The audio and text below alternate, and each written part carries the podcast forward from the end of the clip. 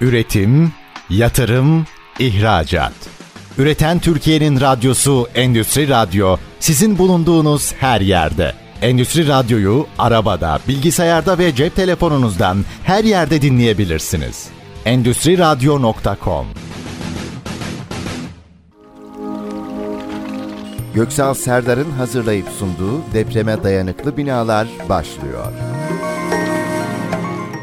ST Endüstri Radyo Depreme Dayanıklı Binalar programından herkese merhabalar. Bugün yine deprem konusunu konuşacağız. Çok değerli bir konuğumuz var. Hilti Mevzuat Yönetimi Müdürü Sayın Çağdaş Ilgaz Şenal Bey. Hoş geldiniz Çağdaş Bey. Hoş bulduk. Nasılsınız? Te- çok teşekkür ederiz. Siz nasılsınız? Sağ olun Göksal Bey. Teşekkürler. Hilti aslında bir dünya markası e, ve daha çok el aletleriyle tanınıyor ama onun çok daha ötesinde mühendislik alanda ileri derecede e, gelişmiş bir firma ve deprem ve yangın koruma konusunda da çok çok önemsediğinizi bu konularda çok ciddi çalışmalar yaptığınızı biliyoruz. O anlamda biraz deprem konusunu özellikle yapısal olmayan elemanların depreme göre tasarlanması konusunu sizinle konuşacağız ama öncelikle sohbet kısmında bahsetmiştik. Mevzuatlar yönetimi derken tam olarak görev ve açılımımızı biraz açabilir miyiz? Tabii ki. Evet yani genel olarak çok bilinen bir pozisyon değil ama genel olarak globalde bulunduğu ülkelerde sadece bir ticari kaygıyla çalışan ve oraya bir e, katma değer olarak sadece ticari olarak bir katma değer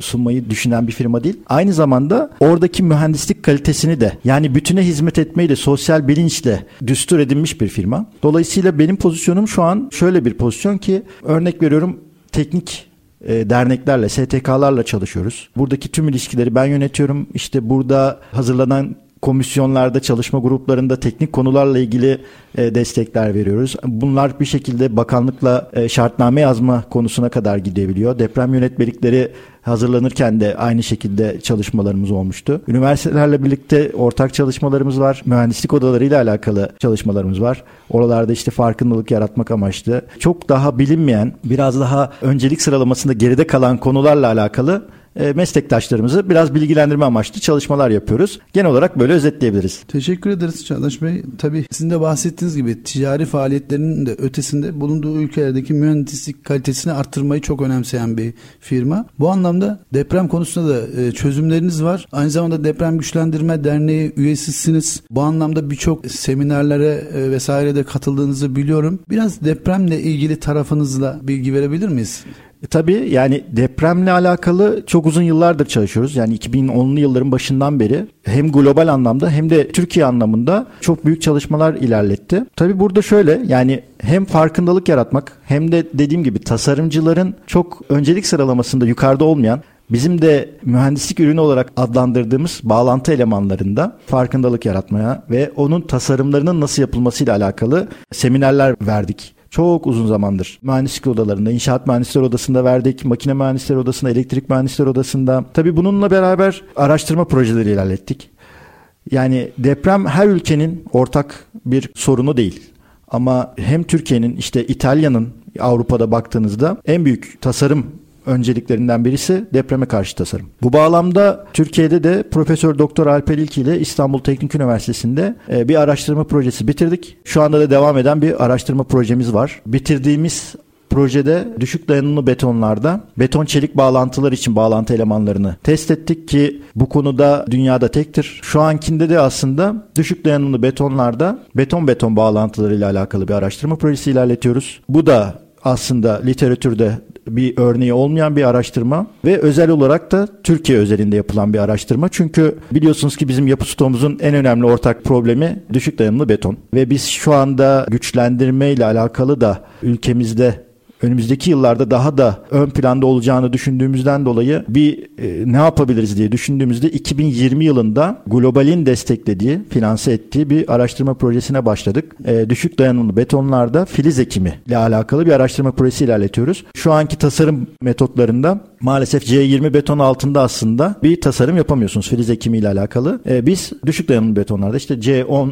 C12 diyebileceğimiz yaklaşık 12 megapaskallarda bir beton dayanımından bahsediyoruz burada ki literatürde full scale test olarak tabir edilen yani basit bir beton numunesinde çekme deneyi gibi değil bayağı bildiğiniz e, bir mantolama numunesi üzerinde hatta ön yüklenmiş bir şekilde gerçek hayatı pratik hayatta daha temsil etmesi açısından bir araştırma projesine başladık. Tabii bu işin teknik tarafıydı ama hani bir de bunun sosyal sorumluluk kısmı da var. Daha evvelden işte bu e, kentsel dönüşüm yasası çıktığında örnek veriyorum. Bakanlıkla çok çalışmalarımız olmuştu. Çünkü mevcut yapılardan numune toplanmasıyla alakalı belli başlı bazı prosedürler var biliyorsunuz. İşte karot alınması, donatı taraması vesaire ilgili alakalı. Bunlarla alakalı el aletleri ve tarama cihazlarıyla alakalı hem çalışmalarımız oldu. Tüm illerdeki iller bankaları bankasına bu ürünler verilmişti zamanında. Bununla beraber biliyorsunuz ki acı bir deprem yaşadık 6 Şubat'ta. 6 Şubat'taki depremden sonra aslında en çok ihtiyaç olan şey arama kurtarma çalışmalarında artık böyle adı da biraz şey olmuş, e, jenerikleşmiş Hilti. Yani evet. kırıcı malzemeler. Stoklarımızda ne varsa hepsini deprem bölgesine sevk ettik ve birçoğu da akülü olmasından dolayı aslında çok da işe yaradı. Yani elektriğin olmadığı yerlerde de bu makineler kullanılabildi. Aynı zamanda yine global olarak çalıştığımız iki tane arama kurtarma ekibi yurt dışından geldi. İki farklı arama kurtarma ekibi. Bunlar da yaklaşık 7 kişiyi enkaz altından kurtardılar. Yani dediğim gibi hep bu sorumluluk bilinciyle inşaatı hep daha iyi hale getirmek için çalışan bir firma. Yani bu anlamda depremle alakalı çalışmalarımızı özetlemiş oldum sayabilirim kendim.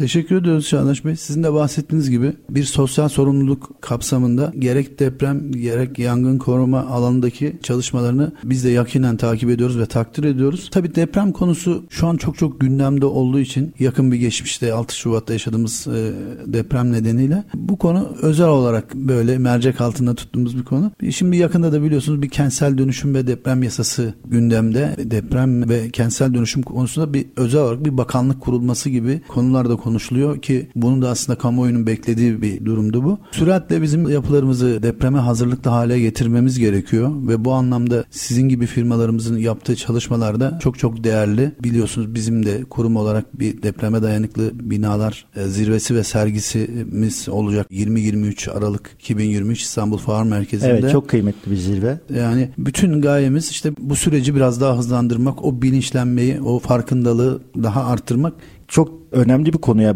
parmak bastınız. 99 depreminden sonra dahi konuşulan bir konuydu. Deprem e, Bakanlığı'nın kurulması, Deprem ve Afet Bakanlığı'nın kurulması. Sanıyorum bu yönde bir gelişmeler var tabii. Aslına bakarsanız 99 depreminden sonra da baya bir gelişme oldu. İşte e, nervürlü demire geçildi, hazır beton, işte yapı denetim sisteminin kurulması vesaire.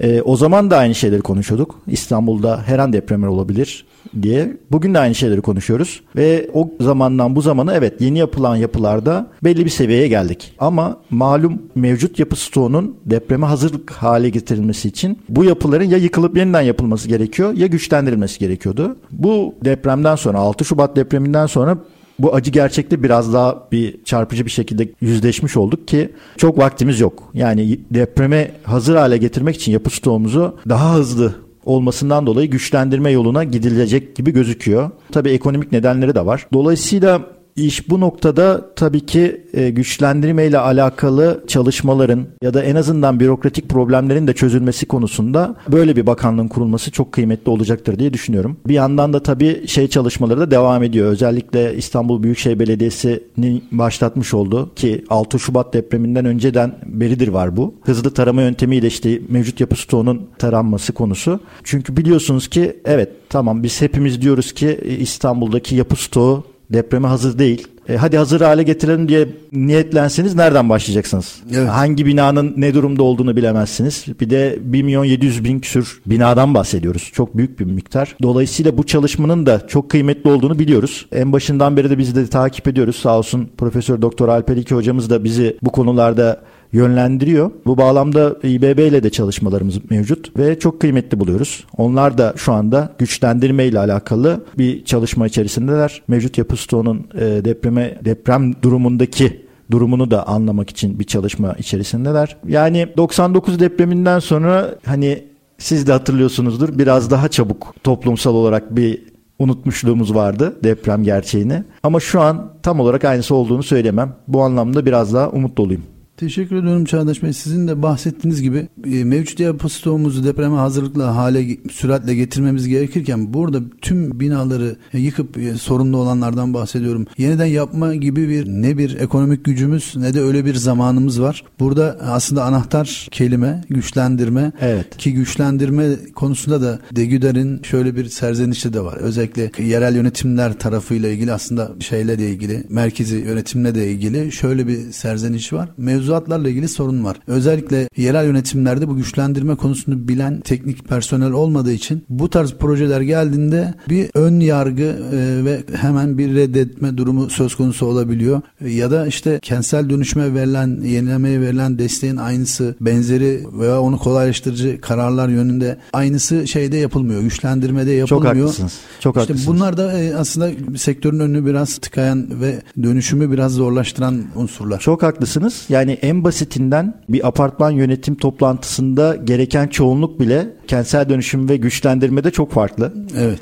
Daha büyük bir çoğunluğa ihtiyacınız var güçlendirme yapmak için. Daha evvelden evet belediyede ilgili teknik personel ye- yetersizliği vardı. Olsa da şöyle şeyler oluyordu. İşte üniversite onayı alalım vesaire gibisinden. Yani evet onların da kendi açısından, kendi açılarından haklı oldukları yönler var. Ama şu an tabii iş hem ekonomik anlamda hem süresel anlamda güçlendirmenin daha ön plana çıktığını gösteriyor. Bir de bunun yanında aslında öngörmediğimiz hani hep biz ekonomik kısmına bakıyoruz işte hız kısmına bakıyoruz ama bir de bu işin moloz kısmı var. Yani bir binayı yıkıp onun ortaya çıkardığı geri atığı düşündüğünüz vakit çok büyük bir şeyden bahsediyoruz ki şu an aslında aynı konu deprem bölgesi için de geçerli. Sonuç olarak bu bir sürdürülebilirlik anlamında da bir problem yaratıyor ve aslında çok büyük bir problem. Hatta şöyle söyleyeyim ben 6 Şubat depreminden sonra yine Alper hocamızın e, ekibiyle beraber depremin 3. günü deprem bölgesine gitmiştim. Hani o zamanlar bize şey demişlerdi yanınıza işte maske vesaire alın çünkü bir sürü bina yıkıldı. İnanılmaz bir asbest kirliliği var. Baktığımız zaman şu an İstanbul'da da bunu yaşıyoruz. Çok farklı bir durum değil. Yani yıkıp yapmak evet belki çoğu kişinin aklında en doğru çözümmüş gibi gelebilir ama güçlendirmenin aşağı kalır bir yanı yok. Çok daha hatta efektif bir çözüm, hızlı bir çözüm. Kamuoyunun hani düşüncesinin aksine her binada güçlendirilebilir. Bunu özellikle söylemek istiyorum. Tabii ki feasible olması şartıyla. Yani yeniden yapıp yıkıp yapmanın maliyetini geçiyorsa tabii ki güçlendirmeye gerek yok ama teknik olarak her yapı güçlendirilebilir. Teşekkür ediyorum Çağdaş Bey. Bölümümüz için son bir buçuk iki dakikamız kaldı. Sizin güçlendirme ile ilgili verdiğiniz mesajlar gerçekten direkt isabetli tespitler. Maalesef bazen böyle gerek yerel yönetimlerde gerekse merkezi şeyde biraz üvey evlat muamelesi e, tırnak içinde söylüyorum. Evet. Güçlendirme görüyor ama yavaş yavaş o konuda da mesafe mesafe alınıyor. Sizin de belirttiğiniz gibi yıkıp yeniden yapmada oluşan atıkların sorunu da çok ciddi bir sorun. Tabii ki. Yani Tabii bu ki. sorunu e, asla göz ardı edemeyiz. O atıklar ne oluyor? Çevreye verdiği zarar ve bu çok önemli bir konu. Dolayısıyla güçlendirilip hayatına devam edecek depreme hazırlığa gelecek binalarla ilgili yıkıp yeniden yapma seçeneğini biraz e, ötelemek ya da devre dışı bırakmak çok daha e, mantıklı bir seçim olarak gö- gözüküyor. Çok haklısınız. Aynen öyle. Şimdi ikinci bölümümüzde sohbetimize aslında burada kaldığımız noktadan devam edeceğiz Çağdaş Bey. Çok kısa bir vaktimiz kaldığı için kısa bir reklam arası vereceğiz. İkinci bölümümüzde kaldığımız noktadan devam edeceğiz. Üretim, yatırım, ihracat. Üreten Türkiye'nin radyosu Endüstri Radyo sizin bulunduğunuz her yerde. Endüstri Radyo'yu arabada, bilgisayarda ve cep telefonunuzdan her yerde dinleyebilirsiniz. Endüstri Radyo.com ST Endüstri Radyo Depreme Dayanıklı Binalar programından tekrar merhabalar. Hilti Mevzuat Yönetim Müdürü Sayın Çağdaş Ilgaz Çenel Bey konuğumuz. Deprem güçlendirme konusunu konuşuyorduk Çağdaş Bey Evet. kaldığımız noktada ve sizin Hilti olarak özellikle beton kalitesiyle ilgili yaptığınız çalışmalardan bahsetmiştiniz ki çok çok önemli bu. 99 depreminden sonra da yapılan İBB'nin yaptırdığı bir çalışma vardı. O çalışmada da özellikle betonda oluşan korozyon konusu ve o demir donatıların buradan taşıyıcılık özelliğini kaybedip burada bu nedenlerden dolayı yıkılan bina sayısının çok fazla olduğu tespiti vardı. Dolayısıyla beton ve demir siz bahsetmiştiniz hani o konuda demir konusunda bir ilerleme var. Aslında beton konusunda da var. Kaliteli Evet. e, standartlara uygun bir kullanım söz konusu ama yine de bunun denetiminde de, de bir takım eksiklikler var. Düşük dayanımlı beton konusu aslında kanayan bir yaramızdı. Evet, evet. Yani mevcut yapı stoğumuzun aslına bakarsanız hepsinde ortak nokta düşük dayanımlı beton. E, çünkü bazı yapılarda korozyon oluyor, bazısında olmuyor. Bazısında don, demir donatı işçiliği daha iyi olabiliyor. Hı hı. Tabii ki istisnalar var. İyi betonlar da çıkıyor eski yapılarda ama genel olarak ortalamanın 12 megapaskallarda olduğunu söyleyebiliriz rahatlıkla. E, bu da şimdi şöyle bir durum söz konusu oluyor. Bu yapılarda çoğun zaman rigidlikle alakalı bir problem ortaya çıkartıyor. Evet donatı eksik yapılmış yani daha doğrusu eksik demeyelim. O zamanki şartlara göre geniş açıklıklı etriyeler konmuş olabilir. Boyuna donatılar düz olabilir vesaire olabilir ama bu tabii ki binanın biraz da sünekliğiyle de alakalı bir durum olduğundan e, düşük dayanımlı beton olduğunda rigidlikle ilgili çok büyük problemimiz oluyor. Burada tabii yani güçlendirmede tercih edilecek bir sürü yöntem var. Yani zaten benden önceki kıymetli e, konukların da e, üzerinde durduğu konular bunların birçoğu. Evet, evet. E, ama ne yaparsanız yapın mevcut yapıya yani konvansiyonel bir yöntemle de müdahale etseniz işte mantolama ya da sisteme yapısal sisteme taşıyıcı perde eklenmesi vesaire gibi bir şeyler de yapsanız inovatif yöntemlerle de işte burkulması önlenmiş çelik çaprazlarla rigidlik ekleyip hem de e, binanın sünekliğine müdahale ettiğiniz durumlar olabilir. Damperler, viskoz damperler olabilir. En nihayetinde binaya sonradan bir yapı malzemesi ekliyoruz ve bu sonradan eklenen malzemede birleşim noktalarında aslında bizim çok üzerinde de durduğumuz bağlantı elemanlarının tasarımı evet, en önemli evet. konulardan bir tanesi oluyor. Dediğim gibi yani en başında da konuştur, konuşurken biraz bahsetmiştim. E, şu anda belli başlı tasarım metotları var. Bunlar bizim yönetmeliğimizde bulunmuyor ama nedir? Çevre Şehircilik Bakanlığı, Çevre Şehircilik ve İklim Değişikliği Bakanlığı'nın yayınladığı İnşaat İşleri Genel Teknik Şartnamesi'nde bu konular hakkında detaylı bilgiler mevcut. Hangi tasarım metotları kullanılması gerektiği, işte uygulamada yapılırken nelere dikkat edilmesi gerektiği ile alakalı. Biz de bu konularda farkındalık yaratmaya çalışıyoruz. İnşaat mühendisleri odalarına gidip seminerler veriyoruz vesaire. Ama nedir? Burada önemli olan evet bu hassasiyette güçlendirme projeleri hazırlanırken bağlantı elemanlarının da bu hassasiyette tasarımının yapılması çok elzem. Çünkü bağlantı elemanı zayıfsa yaptığınız güçlendirme elemanının doğru çalışmasını bekleyemezsiniz. Bu bağlamda önemli bir konu. Aslına bakarsanız en önemli konulardan bir tanesi de diyebiliriz yani. Evet biraz göz ardı edilse de bağlantı elemanları sizin de bahsettiğiniz gibi çok çok önemli. Yani bu konuyu özellikle sizden biraz daha önemi noktasında ve sizin çözümleriniz noktasında biraz e, açmanızı rica edeceğim. Tabii ki. Az evvel düşük dayanımlı betondan da bahsetmiştik. Evet. Aslına bakarsanız düşük dayanımlı betonda şu anda tasarımı önünü açan bir metot yok. Tasarım metodu yok. Her ülkenin de farklı bir öne çıkan yapısı var. Örnek veriyorum İtalya'da yığma yapı çok olduğu için onlar da yığma yapıyla alakalı tasarım metotları üretmeye çalışıyorlar. Biz de kurumum olarak Türkiye'ye özel olarak bir araştırma projesi başlattık. Düşük dayanımlarda, düşük dayanımlı betonlarda bu filiz ekimi dediğimiz işiyle alakalı bir araştırma projesi yapmaya başladık. Ben bunu çok kıymetli buluyorum. Çünkü sonuç olarak global anlamda iş yapan büyük firmaların çalıştıkları pazarlarda da pazarın kendi dinamiklerine uygun araştırma projelerine yer vermesi ve bununla alakalı bütçe ayırması çok kıymetli. Bu bağlamda hem de ülkemize katkısı anlamında çok mutluyuz. Dediğim gibi Alper Hoca ile bir araştırma projemiz devam ediyor. Bunun yanı sıra tabii ki düşük dayanımlı beton dışında malum korozyon konusu da var. Bu da ortak sorunlardan bir tanesi. Ya da e, düşük sargı etkisiyle beraber yetersiz donatı olması sorunları var. Bunlarla da alakalı yine Degüder'deki birçok malzeme üreticisi firma çalışmalar yapıyor. Bu anlamda aslına bakarsanız iyi bir güç oluşmuş durumda. Hatta çoğu firma belki de birbirine pazarda rakip olmasına rağmen bütünün bütüne hizmet açısından, ülke hizmet açısından ortak çalışmalarımız bulunuyor. Teşekkür ederim. Hilti depremin yıkıcı etkilerini azaltan teknolojiler geliştiriyor ama bir taraftan da yapısal olmayan elemanlara depreme göre tasarlanması konusu da var. Evet. O anlamda neler söylemek mümkün efendim? Aslına bakarsanız kamuoyunda da çok göz ardı edilen bir konuydu. Yapısal evet. olmayan elemanların deprem hesabı. Tabii şimdi normal vatandaş olarak yapısal olmayan eleman da ne diye bir açıklamak gerekiyor. Evet. Aslında yapısal olan elemanlar ve mobilyalar hariç yapıdaki her şey baktığınızda yapısal olmayan eleman olarak geçiyor.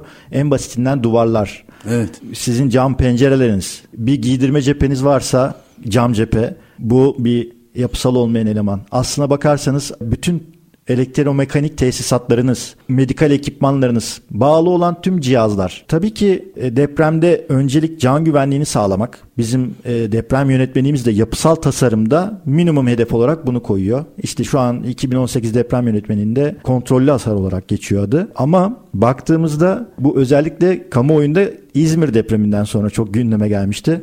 Evet. İşte vatandaş ana haber bültenlerinde röportajlarda şunu söylüyordu. İşte milyonluk daire aldım bir deprem oldu işte mutfak dolaplarım düştü asansörüm çalışmıyor öyledir böyledir. İşin sonunda evet can güvenliği sağlandı ama çok büyük bir maddi zarar oluştu. Şöyle bir şey hayal edebilir misiniz? Bir cam cephesi olan bir plazadasınız. Depremden sonra cam cephe komple evet. yıkıldı, parçalandı. Yani onun tekrar yapımı o kadar zor ve maliyetli bir şey ki işin sonunda baktığınızda evet hem maddi hem manevi bir sürü zarar oluşuyor can kaybı dışında ama bunu da bir yerde sınırlamak gerekiyor. Aslında şu an deprem yönetmeliğimiz deprem yönetmenin 6. kısmı yapısal olmayan elemanların deprem hesabıyla alakalı yazılmış kısmı. Evet. Ve bana göre dünyada buna benzer tasarım metodlarına göre işte Eurocode'u ya da ASCII'ye göre baktığınızda çok da ileride olan bir bakış açısına sahip ve yapılması zorunlu olduğu net bir şekilde yazıyor. Aynen bu şekilde söylüyor hatta mobilyalar hariç. Bütün yapısal olmayan elemanların deprem hesabı yapılması zorunludur diye. Ama nedir? Sonrasında belki bir tasarımla alakalı yani evet deprem yükünü hesapladık ama hadi bakalım şimdi bu deprem yükünü bu yapısal olmayan elemanlara etkitelim ve sonrasında devamında tasarım kriterleri olarak neye dikkat edelim noktasında e, yine yabancı kaynaklara yönlenmek zorundayız. Ama yani şu bir gerçek ki yapısal olmayan elemanların deprem hesabının yapılmaması evet ben en başından beri maddi kısmının üzerinde durdum ama can güvenliğini de tehdit eden bir durum. Sonuç olarak Kesinlikle. bir duvarın yıkılması üstünüze ve bundan dolayı yaralanmanız hatta ölüme kadar giden sonuçların ortaya çıkması çok normal. Kesinlikle bu sizin de bahsettiğiniz yapısal olmayan kısımla kısımlarla ilgili ki yaşanan örnekleri çok çok çok fazlasıyla var. Sizin bahsettiğiniz gibi duvarın ya da işte şeylerin devrilmesinden dolayı can kayıplarımız da fazlasıyla oldu. Aynen öyle. Yani bu kısmı asla göz ardı etmememiz gerekiyor. Hele ki yani depremden sonra e, kullanılması gereken yani şu anki deprem yönetmeninde hemen kullanım seviyesindeki olan e, yapılarda Beklenen şu yani operasyonel olarak o binanın depremden sonra servisine devam etmesi lazım. Evet tamam yapısal olarak hemen kullanıma göre tasarlandıysa bir miktar yapısal olmayan elemanlara gelecek deprem yükü nispeten daha az olabilir doğrudur ama tasarımı yapılmadıysa ve o yapısal elemanlar zarar gördüyse örnek veriyorum bir hastanedeki asma tavan çöktüyse depremden sonra o hastane yine kullanılamaz hale gelecek. Kesinlikle. Dolayısıyla bu konu çok kıymetli ve önemli bir konu. Bu konuda da aslında yine ortaklık yaptığımız bir kurum var. Adını söylemeden geçemeyeceğim. Türk Alman Üniversitesi içerisinde Alyans Teknik Deprem ve Yangın Araştırma ve Eğitim Laboratuvarı var. Onlarla bu konu hakkında çok farkındalık yaratma amaçlı çalışmalarımız bulunmakta. Orası aynı zamanda da Türkiye'nin ilk deprem akredite deprem laboratuvarıdır. Özellikle yapısal olmayan elemanların deprem tasarımı konusunda da çok uzman. En azından oradaki sarsma tablosu üzerinde de böyle bir mock-up'lar hazırlayıp yaptığımızda gösterdiğimizde insanlara aa evet gerçekten de bu çok önemliymiş tarzında geri dönüşler aldığımız bir yer. Buradan da onlara çok teşekkür ediyoruz katkıları için. Mesela örnek vermek gerekirse bir yangın tesisatı ki düşünün genelde yangın depremden sonra çıkan bir e, evet. hadise. Çünkü çok muhtemel. Böyle bir durumda yangın tesisatı depremden dolayı hasar gördüyse ben o yangın tesisatını niye yaptırıyorum'a geliyor iş. Dolayısıyla bu da bir yapısal olmayan eleman ve bunun da aynı yapısal elemanlar gibi deprem hesabının yapılıp gerekli önlemlerin alınması ve bununla alakalı farkındalığın yaratılması için de çalışmalarımız mevcut ve gerekli. Teşekkür ediyorum Çağdaş Bey. Gerçekten çok güzel noktalara temas ettiniz. Deprem yönetmeliğinden bahsettiniz. E, bu çok sıklıkla sorulduğu için ben özellikle bunu mutlaka altını çizilmesinden yani şu söyleniyor. İşte binamız deprem yönetmeliğine uygun. Neden biz yapımız yani bu gerek endüstriyel bir yapı ya da işte bir konut ya da işte bir AVM vesaire olabilir. Deprem yönetmeliğine uygun neden biz güçlendirme yaptıralım ekstra diye? Yani şimdi deprem yönetmeliği siz tabii ki detayını açacaksınız. Asgari şartları evet. tarif eder. Aynen öyle. Ama e, güçlendirme çok daha onun üstünde bir şey Biraz o noktanızda açmanızı rica edeceğim. Aslında proje firmaları son zamanlarda, son yıllarda bu farkındalığı yaratmaya başladı yatırımcılara. Çünkü evet dediğiniz gibi deprem yönetmeliği bizi kontrollü hasar seviyesine göre minimum e, yönlendiriyor. Ama bahsetmiş olduğumuz özellikle endüstri yapılarında binaların depremden sonra da kullanılabilir, operasyona devam edebilir, üretime devam edebilir halde kalmasını sağlamak istiyorsak biraz daha e, yüksek performans hedeflerini önümüze koymamız gerekiyor. Tabii bu yatırımcının kararı. Yani buna kimse zorunluluk getiremez. Evet. Ama şu var yani şu an insanlar tabii ki yapım yılına bakıp o yılda hangi deprem yönetmeliği geçerliyse ve güncelse o. Evet. Evet benim de binam güncel deprem yönetmeliğine göre yapıldı tarzında yorumlar yapabiliyorlar. Ee, ama maalesef bunun böyle olmadığını deprem bölgesinde de gördük. Özellikle Malatya bölgesinde 2000 sonrası hatta 2018 sonrası bazı yapılarda maalesef ki e, yıkılmalar gördük, şahit olduk. Ben de bizzat oraya gittiğimde gördüm. Bu işin tabii birçok ayağı var. Yani evet deprem yönetmeliği bazı şeylerin minimum asgari koşullarını söyler ama en basitinden örnek vermek gerekirse bir deprem perdeniz vardır yapıda ama etrafı şaftlarla doludur, düşey şaftlarla ve dolayısıyla o deprem perdesi döşemeden yükü alıp ve çalışacak bir vaziyette değildir. Yani aslında deprem perdesini binadan izole etmiş durumdasınızdır. Buna deprem yönetmeliği bir şey söylemez. Yani bu biraz hem mühendislik öngörüsü hem de işin özellikle imalat tarafındaki işte imalat detayları bu konuları biraz belirleyici olduğunu gösteren şeyler. Deprem bölgesinde de özellikle kanca konusu yani etriyelerin ucunda 135 derece kanca yapılmaması konusunun önemli, çok çok önemli olduğunu gördük. Yani siz istediğiniz kadar deprem yönetmeliğine uygun bir e, yapı tasarlamış olun ama yerinde uygulamak esnasında basit şeylere bile dikkat etmediğinizde sonucu ölümcül şeyler olabiliyor. Bu anlamda yine yapı performansının incelenip irdelenip tespit edilmesi gerekiyor. Yeni yapıla bile olsa. Teşekkür ediyorum Çağdaş Bey. E, ST Endüstri Radyo Depreme Dayanıklı Binalar programında Hilti Mevzuat Yönetim Müdürü Sayın Çağdaş Ilgaz Şenel Bey konumuz. Deprem ve güçlendirme konusunu konuşuyoruz. İkinci bölümümüzün de sonuna geldik. Kısa bir reklam arasından sonra üçüncü ve son bölümümüzde sohbetimize kaldığımız yerden devam edeceğiz. Üretim, yatırım, ihracat. Üreten Türkiye'nin radyosu Endüstri Radyo sizin bulunduğunuz her yerde. Endüstri Radyo'yu arabada, bilgisayarda ve cep telefonunuzdan her yerde dinleyebilirsiniz. Endüstri Radyo.com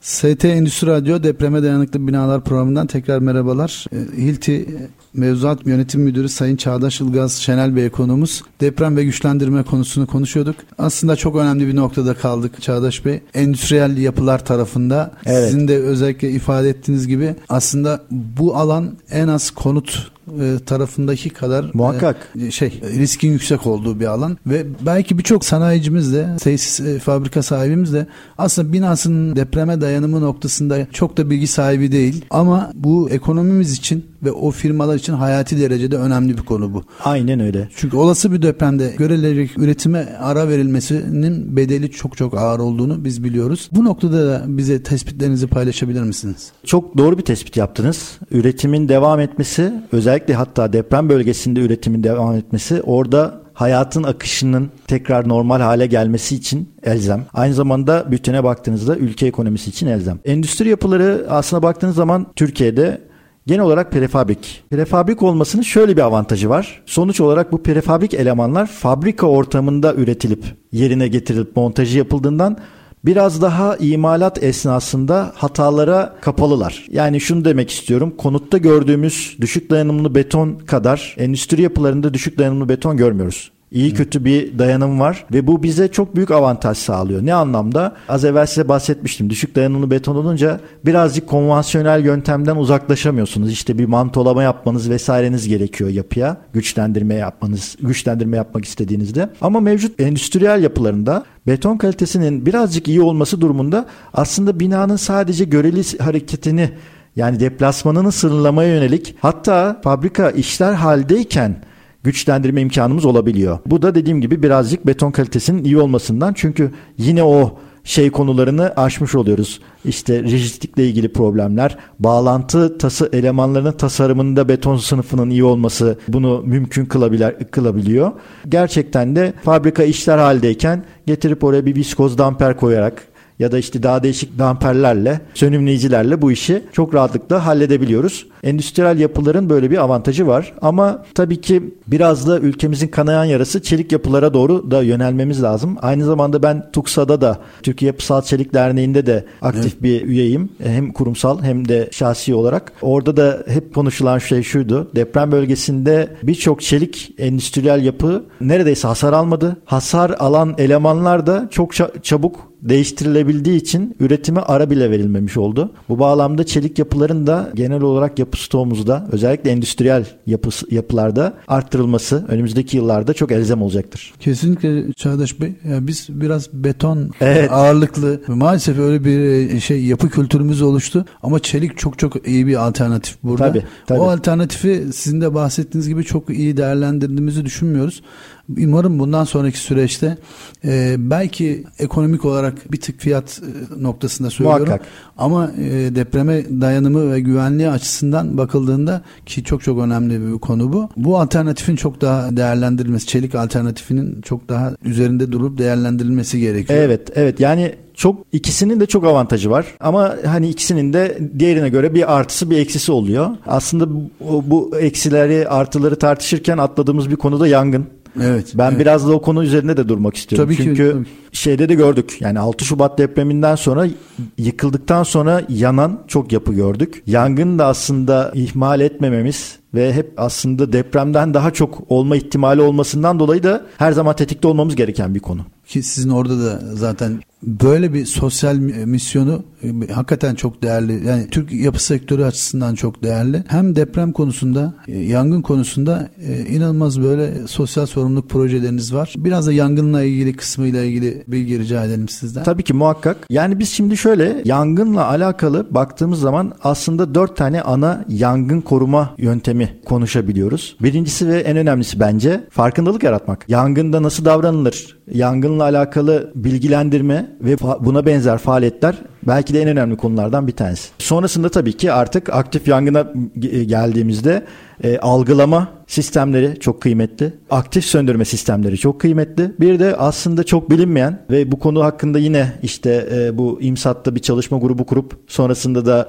Çevre Şehircilik ve İklim Bakanlığı'na sunduğumuz şartnamesi olan e, pasif yangın koruma ile alakalı pasif yangın durdurucular çok önemli. Pasif yangın koruma deyince akıllara tabii nasıl yani hani pasif yangın koruma ne demek gibi şeyler gelebilir dinleyicilerin aklına. Aslına bakarsanız çoğu tasarımcı kompartmanlamayı duymuştur. Zonlama deriz. Yani aslında amaç şudur. E, bir binada yangın çıktığında yangının sadece çıktığı bölgede kalmasını yani yangının orada hapsolmasını diğer bölgelere atlamasını istemeyiz. Ve bunun için de binayı belli başlı kompartmanlama dediğimiz bölgelere böleriz. E, ve bu bölgelerde aslına bakarsanız yine işte yangın kapıları kullanılır. Çünkü siz bu bölgede yangının kalmasını istiyorsanız yangına dayanıklı malzemelerle yapmanız gerekiyor duvarlarını, kapılarını. E, bir de yangın durdurucu dediğimiz e, ürünlerimiz var.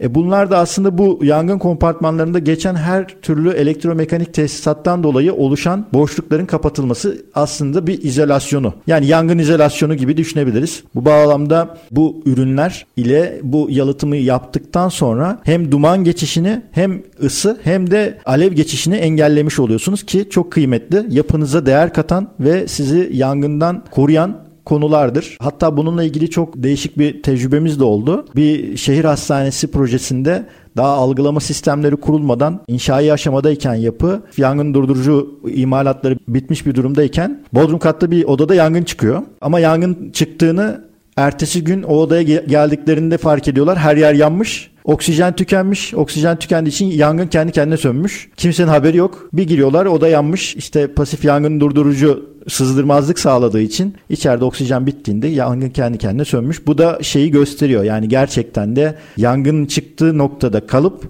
diğer taraflara sıçramasını engellemesi açısından tüm yangın koruma sistemleri işte bu bahsetmiş olduğum dört tane koruma sistemiyle birlikte vazgeçilmez bir parça. Teşekkür ederim Çağdaş Bey. Aslında sizin mevzuatla ilgili olduğu için söylüyorum. Zannediyorum Almanların bir lafıydı. Güvenmek iyidir ama emin olmak en iyisidir diye. Evet. evet. Yani e, siz mevzuatları çok iyi ortaya koyarsınız ama onun uygulandığından emin olmak için de çok iyi bir denetim sisteminiz olması lazım. Çok iyi denetim yap, yapıyor olmanız evet, lazım. Evet kanayan yaramız. Evet maalesef bu noktada yapı denetim sistemimiz özellikle 6 Şubat'tan sonra çok çok çok eleştirildi. Şöyle ki müteahhit firmanın ya da yapıyı denetleyecek firmanın kendi ücretini verdiği firma evet. tarafından denetimin çok sağlıklı neticeler vermeyeceği gibi birçok eleştirilen noktalar oldu. Siz bir mühendislik alanında faaliyet gösteriyorsunuz ama o bu alana şey ama bu alanda ilgili de düşüncelerinizi merak ediyorum açıkçası.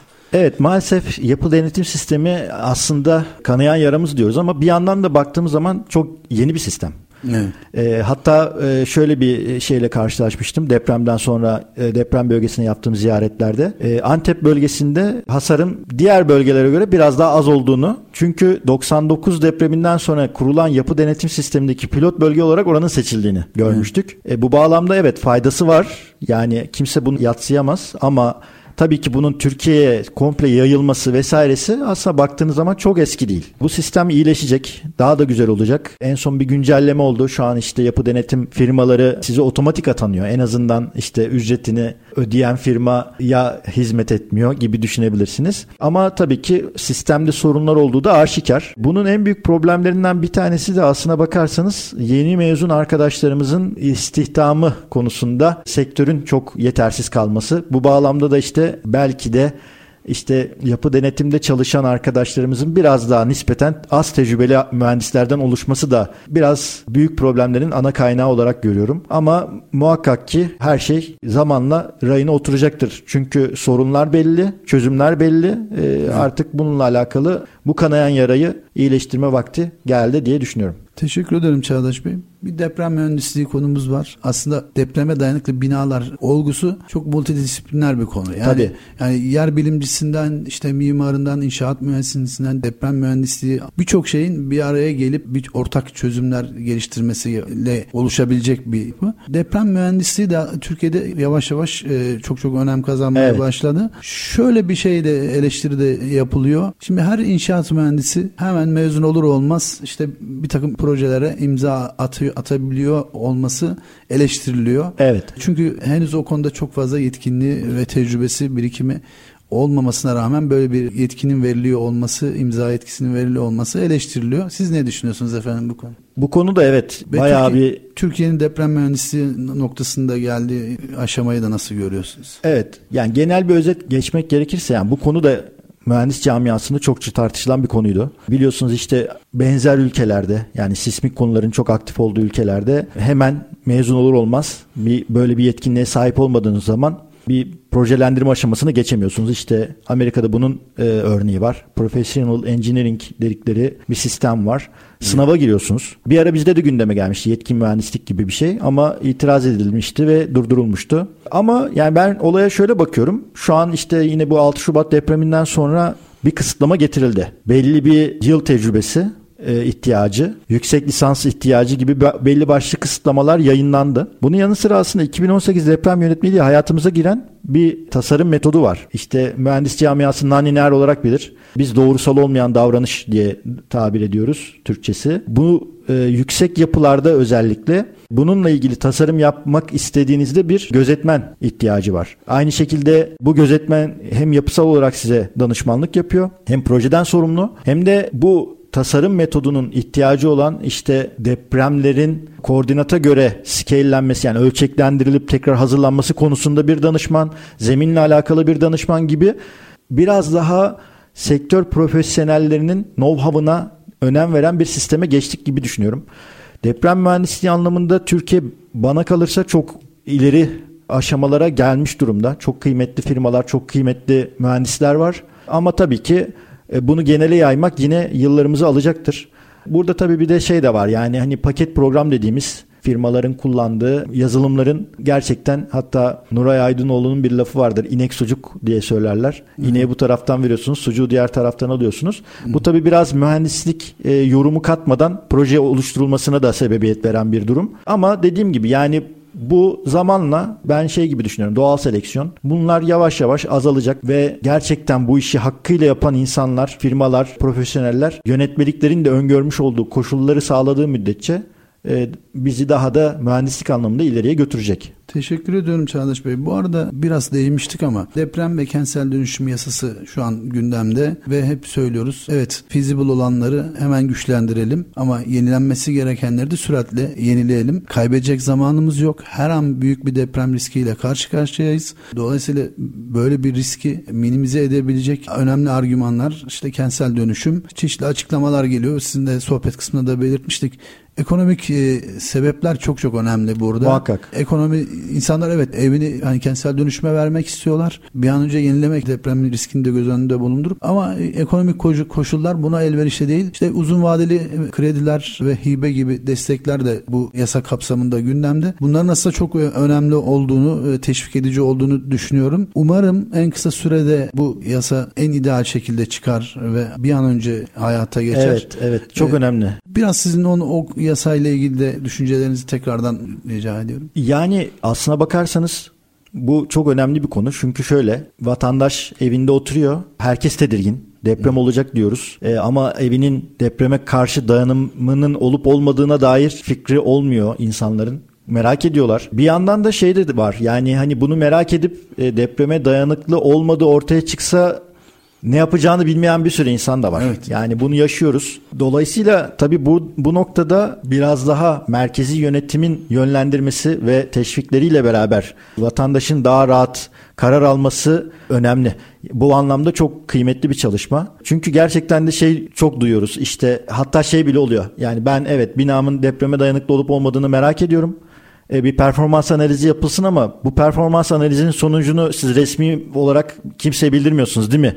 diye çok soruluyor. Ben ha- şunu çok özür diliyorum Çağlar. Ben şunu çok iyi biliyorum. Ben çevremden de birebir e, yani bir sitelerde yönetimlerden site yönetimlerinden bu performans analizi isteniyor. Performans analizi işin ucu ekonomiye, paraya dayandığı evet. için site yönetiminin bu konuda yani direttiğini ya da e, çekimsel kaldı, kaldığını evet. çok çok iyi biliyoruz. Evet. Dolayısıyla sizin söylediğiniz gibi vatandaş nezdinde de aynı durum söz konusu. Lütfen o noktadan devam edelim. Yani bu çok önemli bir konu. Benim hatta kendi bizzat tanıdığım arkadaşlarım dahi işte ya Çağdaş ne yapalım işte nasıl e, ilerleyelim? Ya bir kere e, olumsuz bir sonuç çıkınca ne yapacağınıza karar verin.